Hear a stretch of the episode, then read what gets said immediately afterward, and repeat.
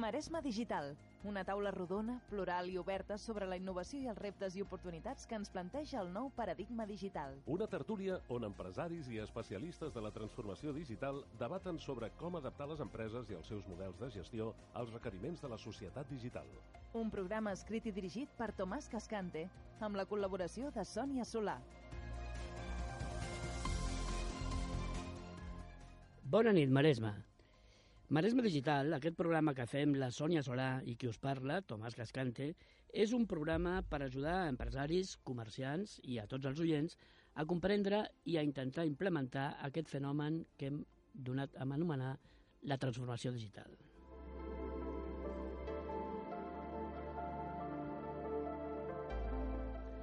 I per fer-ho, per apropar-vos a la transformació digital, ho fem convidant aquí, als Estudi 2 de Mataró Ràdio, a personatges implicats en aquest procés. Diferents tipus de convidats, diferents tipus de personatges. Empreses que busquen solucions, empreses que ja les han trobat, com crec que és el cas d'avui, empreses que s'han equivocat i ens expliquen per què i com ho han fet malament i intentant donar-nos llum de com fer-ho bé, i l'altra part de, de la moneda, l'altra cara, professionals, especialistes de les diverses disciplines de la transformació digital.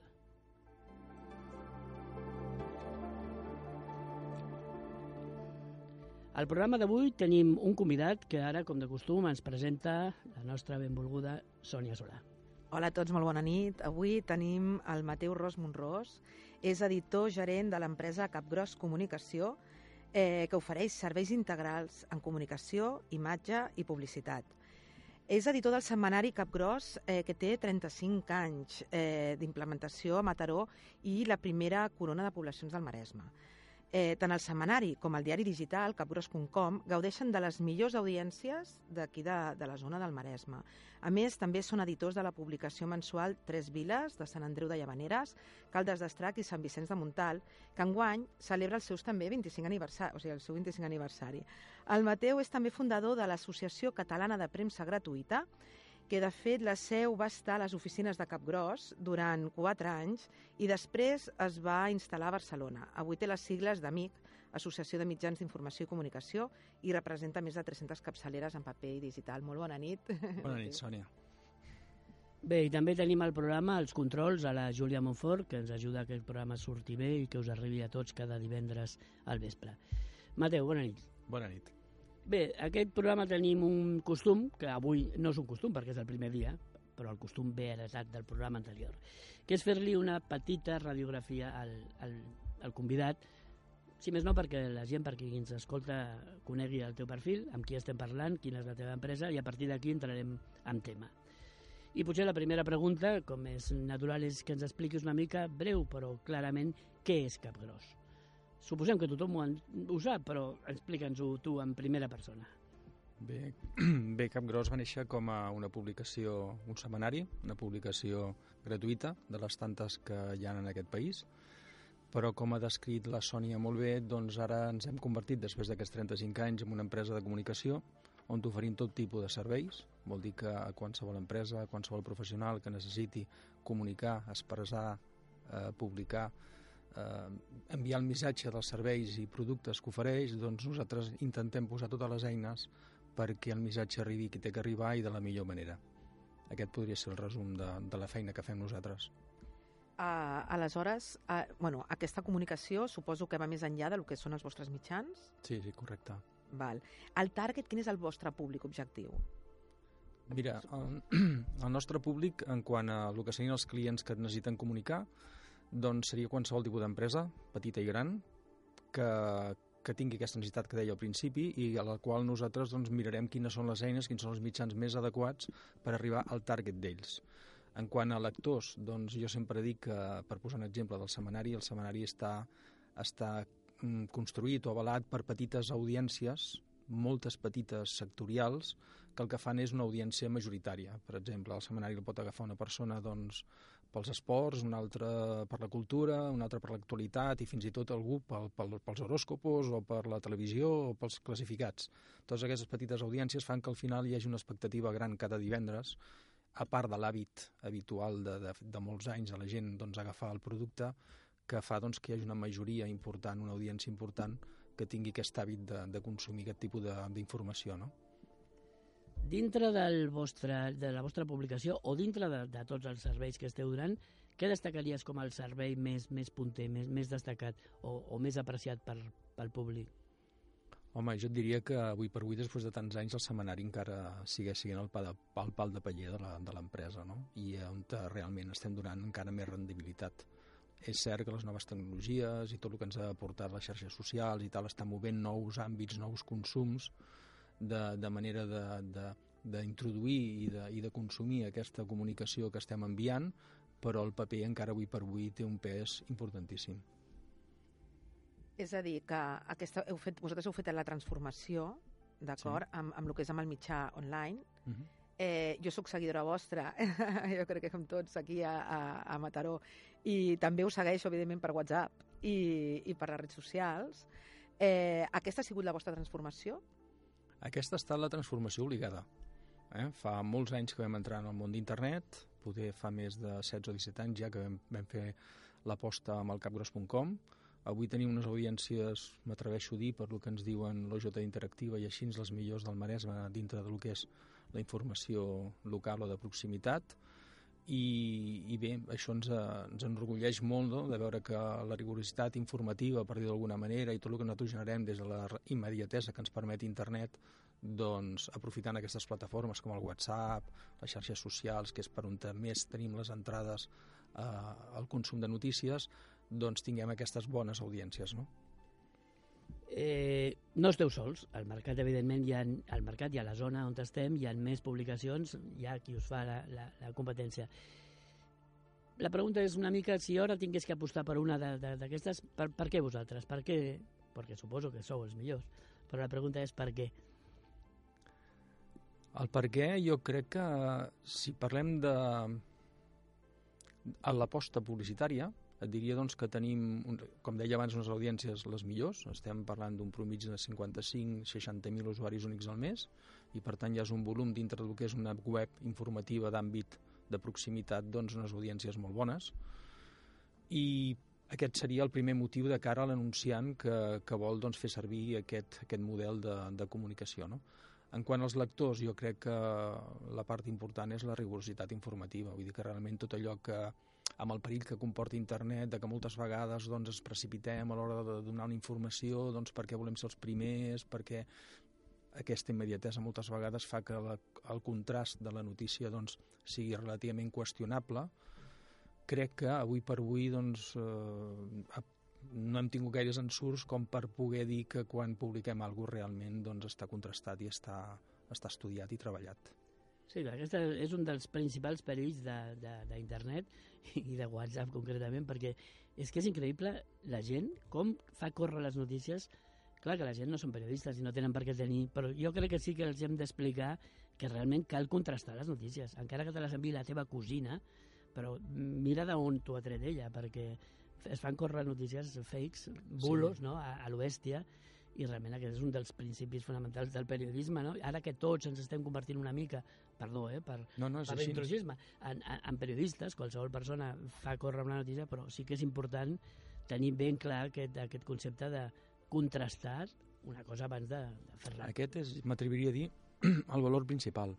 Vull dir, tot el que corre per, per internet, eh, sobretot per les xarxes, doncs clar, és qüestionable, és molt qüestionable, no? Aleshores aquí les, les empreses que tenen, diríem, un, una marca una mica consolidada, una mica de prestigi, doncs perquè al darrere hi ha un treball profund, una trajectòria llarga, aquestes notícies tenen com un cert valor més que no pas dintre d'aquest món d'internet que tot es qüestiona, no? Mm. Com bé, com bé comentàveu. I jo potser com aquest programa el que pretén és ser educatiu, insistiria en el tema i crec que hem de dir a la gent que quan, quan rebeu una notícia per WhatsApp, perquè és la principal font avui en dia de córrer notícies i notícies falses, quan rebeu una notícia una forma de contrastar-la és simplement anar a Google i escriure aquell tema, a veure si ho trobes amb algun diari de, de, de referència a una capçalera acreditada. Sobretot les notícies perilloses, no? les que desprestigien algú, perquè s'ha de tenir realment cura amb això. O sigui, crec que una de les competències que hem de tenir com a ciutadans ara és aquesta potestat que tenim de ser, de convertir-nos en periodistes, doncs exercir-la amb professionalitat, si més no amb rigorositat. En quant a globalització, evidentment, si esteu en el món digital, ja sou més globals no? que, que Sí, una mica més. fins abans. Eh, la, la pregunta seria una mica els vostres lectors fins on arriben, no? Vull dir, aquesta globalització que dona la internet us ha fet tenir eh, gent, més, més audiència de fora o els informació local? Estem molt centrats en el que és la nostra base, que és on som forts, que Clar. és a la proximitat. Ara és obvi que hi ha gent doncs, que, que ha marxat de casa, que és lluny i que se segueix informant del que passa doncs, a, a les seves arrels a través d'aquests mitjans. Sí, sí, això és així. No, no, i és important, eh? és important. Bueno, no, no explicaré històries, però jo recordo una vegada al principi d'internet, molt, però molt lluny a l'altra punta del món, sentir una emissora catalana em va realment sobtar estant a l'altra punta, no? Llavors jo crec que avui estar a Buenos Aires o a Seul i llegir el Caprós doncs, deu ser important, sobretot si ets de Mataró. I és una possibilitat que esteu oferint. I tant. Mirem una mica cap endavant en quant a la vostra empresa o la vostra publicació. No et preguntaré com veus el futur, però el vostre futur, plans que teniu a curt i mitjà termini per, en fi, plans per, per anar cap endavant. Els plans és, és acabar de trobar el camí per aquesta transformació que comenteu vosaltres digital, no? Vull dir, venim d'una crisi profunda i llarga, en la qual molts, molts, molts sectors, no m'atreveixo a parlar només del sector de la comunicació, eh, seguim amb aquesta crisi, per dir d'alguna manera, perquè la crisi realment ha acabat. Eh, Hem de ser conscients de que els restaurants, la gent es canvia de cotxe, vull dir, tot està... Hi ha, hi ha, hi ha sectors que, que realment la crisi s'ha acabat, però sí és cert que hi ha un canvi d'hàbit de costums molt, molt important, que fa doncs, que, que molts sectors, i el nostre és un d'ells, eh, estiguem doncs, per un cantó trontollant i per altre cantó reflexionant què hem de fer doncs, per adaptar-nos a aquest segle XXI que ja fa temps que va entrar, però que, que ens està sorprenent cada dos per tres. El món digital va molt de pressa, tot canvia molt de pressa, el que avui dia es publica a Facebook segurament d'aquí mig any, un any no tindrà ja cap tipus de valor. Eh, tot això doncs, fa doncs, que quan marquem rumb mm, el marquem amb unes certes, no? Unes certes pors i, i intranquil·litats i, i molt expectants, no? molt expectants perquè constantment això va canviant. Clar, és que jo veig una mica el sector de la comunicació, de la premsa impresa, eh, que pot ser com el sector del taxi amb Uber o que pot ser pues, com la, el sector de la música, no? que ha d'haver encara una transformació real no? de lo que és el, el, el negoci en si perquè tot i que una cosa, tot i que us heu, us heu anat ad- adaptant, és el que deies tu, no? que encara no heu trobat realment aquesta transformació, com es pot plasmar després en negoci, en què realment us sigui rentable per continuar donant qualitat, eh, als, al, als, als vostres eh, subscriptors, lectors, el que sigui, no? Sí, sí. Perdó. Bueno, bé, sí, no. A veure, jo crec que avui en dia, i dic jo crec perquè tu em corregeixis si no és així, el que distingeix a un diari de l'altre i cada vegada crec que tindrà més importància no és la notícia, perquè la notícia, la notícia ve per un teletip o per un vingui avui en dia d'una agència de notícies que el Bush s'ha tirat un pet o que el Bush l'han destituït. Això seria una bona notícia. Però eh, el tema, el que distingeix el teu, el teu mitjà d'un altre és l'opinió Uh -huh. En aquest sentit, jo crec, crec eh, que, que un dels futurs del, del, dels diaris serà això. O sigui, jo llegiré, llegiré el cap gros i no el cap petit doncs perquè m'agrada com penseu i com, i com enfoqueu les notícies. No sé si aqu aquesta és una de les possibles sortides per mantenir capçaleres diferenciades d'un diari o d'un altre, els editorials, o sigui, els articles de fons, l'opinió. És obvi que tot allò que tu facis de diferent respecte als altres doncs té un valor afegit. Jo crec que la lluita ara ve per guanyar temps al lector i, i al consumidor d'informació. O sigui, la gent cada vegada, si alguna no té, és temps. I el temps és allò que no té preu, perquè és el que tots voldríem tindre més. Ens passem el dia connectats, des de que ens llevem fins que ens anem a dormir, no solament amb el mòbil, rebem informació de per tot arreu. Tu pots agafar ara una autovia, una autopista i trobar-te cada 100 metres una valla. Això, a lo millor fa una dècada enrere estava prohibit. I ara és, ja et dic, cada 50 metres o cada 100 metres en tens una. Per dir alguna cosa, constantment estem rebent informació, per tant, estem com empatxats Sí. d'informació, no?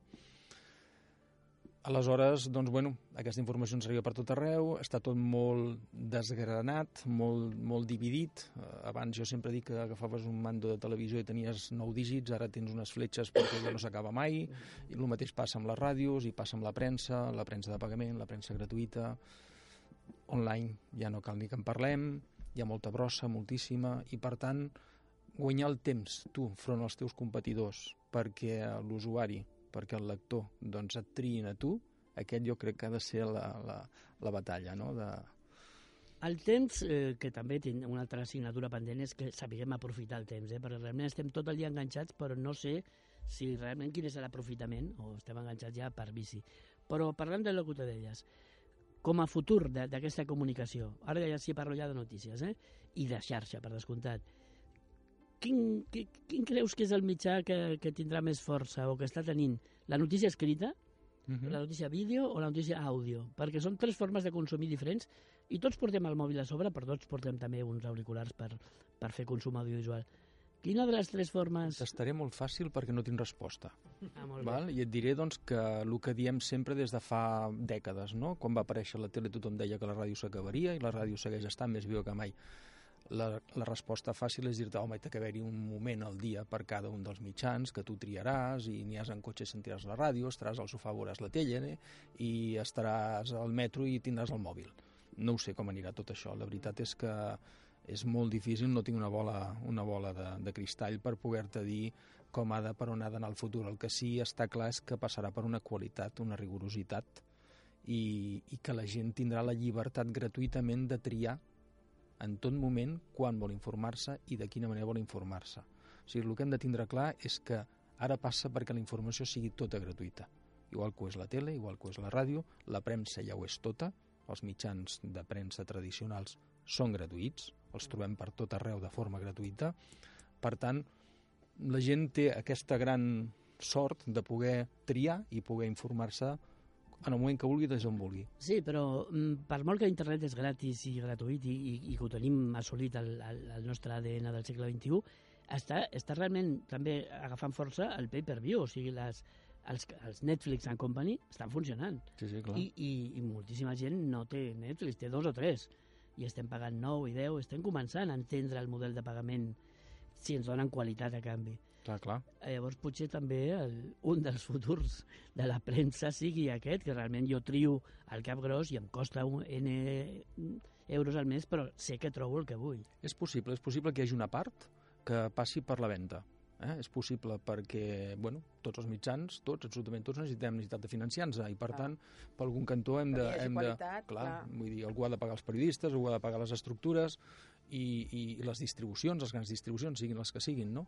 Per tant, pot ser que sigui una part, però no crec que sigui una part primordial. Pot ser una part que ajudarà eh, que el negoci segueixi. Creus que acabarà sent la premsa impresa eh, un, un, un, un producte de luxe gairebé? És a dir, jo veig, veig que dona un valor molt, o sigui, afegit molt important als restaurants, als hotels, quan vas a un hotel, uh -huh. agraeixes realment tenir el teu diari, poder, mentre esmorzes, poder-lo llegir. Ja sé que també tens el mòbil, no? però és algo com, no sé si és potser ve de les nostres generacions. Això teniu algun estudi, tu que estàs a, a la... Jo diré que ve més de les nostres generacions, com Sí. bé dius tu, eh? Vull dir, malauradament, i, i me- m'entristeix eh, pensar que és així, però jo crec que en un futur no tan llunyà les noves generacions no compten gaire amb el paper. Eh? Ara bo i així, eh, per temes especia molt especialitzats i la, i la premsa de proximitat ho pot ser-ho, si és rigorosa, com dèiem abans, i, i de qualitat, doncs, bueno, pot seguir tenint part del ninxo, no? Per què no? Ara vull fer per veure un petit parèntesi per recordar-vos als oients, perquè hi ha hagut un oient que no sé d'on t'ho ha tret, perquè això no ho havíem dit, però ens ha enviat realment un e-mail o un correu electrònic.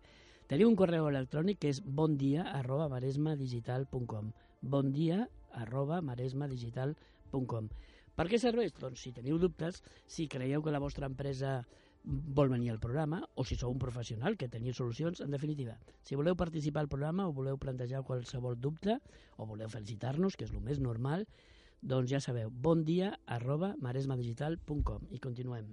Re, bueno, el que està clar és que el, el que les empreses sobrevisquin no? I, i, i, i- passin per endavant de la competència està en fer, doncs, com vosaltres, que és a primer adaptar-se i després buscar a, a professionals que els puguin ajudar amb aquesta transformació no? i amb aquest canvi de paradigma per tots. vull dir, abans ens comentaves no, que tu, vosaltres ara us esteu recolzant amb professionals que us, us estan ajudant a veure cap a... Perquè ara, fins ara us heu mantingut, no, diguem-ne, Uh -huh. Amb, sent el líder, però, però clar, el futur eh, és bastant incert, no? Molt incert, molt incert. Aleshores, buscar ajuda, no? evidentment, doncs que et treguin del teu dia a dia, et situïn en un altre cantó del, del, del que fas quan et lleves i quan deixes la feina, doncs i et faci reflexionar i et faci veure cap on va, experimentar, tindre, tindre eh, comparatives, tindre, tindre possibilitats de poder estudiar amb altres del sector, no? que també tenen aquestes inquietuds, tot això el que estem movent, no? Vull dir, des de l'associació de premsa gratuïta, des de l'AMIC, vull dir, tenim quasi bé 300 capçaleres associades en paper digital, tothom està amb aquesta transformació, tothom està amb aquest neguit, tothom està veient cap on hem d'anar, i, i bé, veus que no, no estàs fent res tu que no fagin els demés, però per altre cantó la, la, la unió, la força, el que és una associació, un gremi, doncs també ajuda doncs, a, a que tot això ho puguis anar encaminant. No?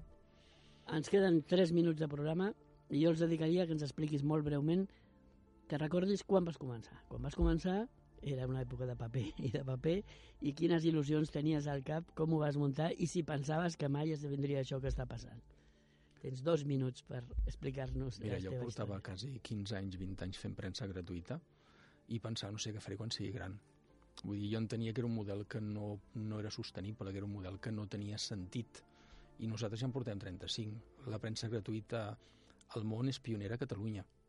Eh? El Tot Mataró mateix, que també el tenim aquí a Mataró, vull dir, amb capçaleres amb molts anys, vull dir, i ja et dic, hi som, han vingut estudiosos de tot el món a Catalunya a veure com funcionem amb la premsa gratuïta de molts congressos que hi ha hagut internacionals. Aviam, posaré una anècdota molt fàcil. Els primers clients que nosaltres vam fer a Capgròs l'any 84, 85, que va ser quan vam sortir, eren aquests clients de compra oro. oro Ah, eh? I aquests ara estan desapareixent, igual que en aquella època van desaparèixer al cap de 3 o 4 anys. O sigui, veníem d'una recessió, vam aprofitar un bon moment, hi havia un neguit important doncs, per, per publicar en català, i, i bé, eh, entre el català, les dir, el fer una premsa que la gent la sorprenia perquè la, se la trobava en llocs que no eren habituals i que a més a més la podia agafar de forma gratuïta, tot això va ajudar que el model de negoci doncs, doncs pogués. Després, òbviament, vam descobrir que la informació era un valor afegit molt important, a part de les difusions que teníem, les grans tirades, i tot plegat ha fet doncs, que aquest negoci doncs, tingui aquest recorregut. Bé, doncs amb aquestes eh, paraules del Mateo Ros i Monros eh, acabem el programa d'avui. Gràcies per haver-nos sentit i us esperem el proper divendres a les 11 del vespre aquí a Mataró Ràdio. Gràcies.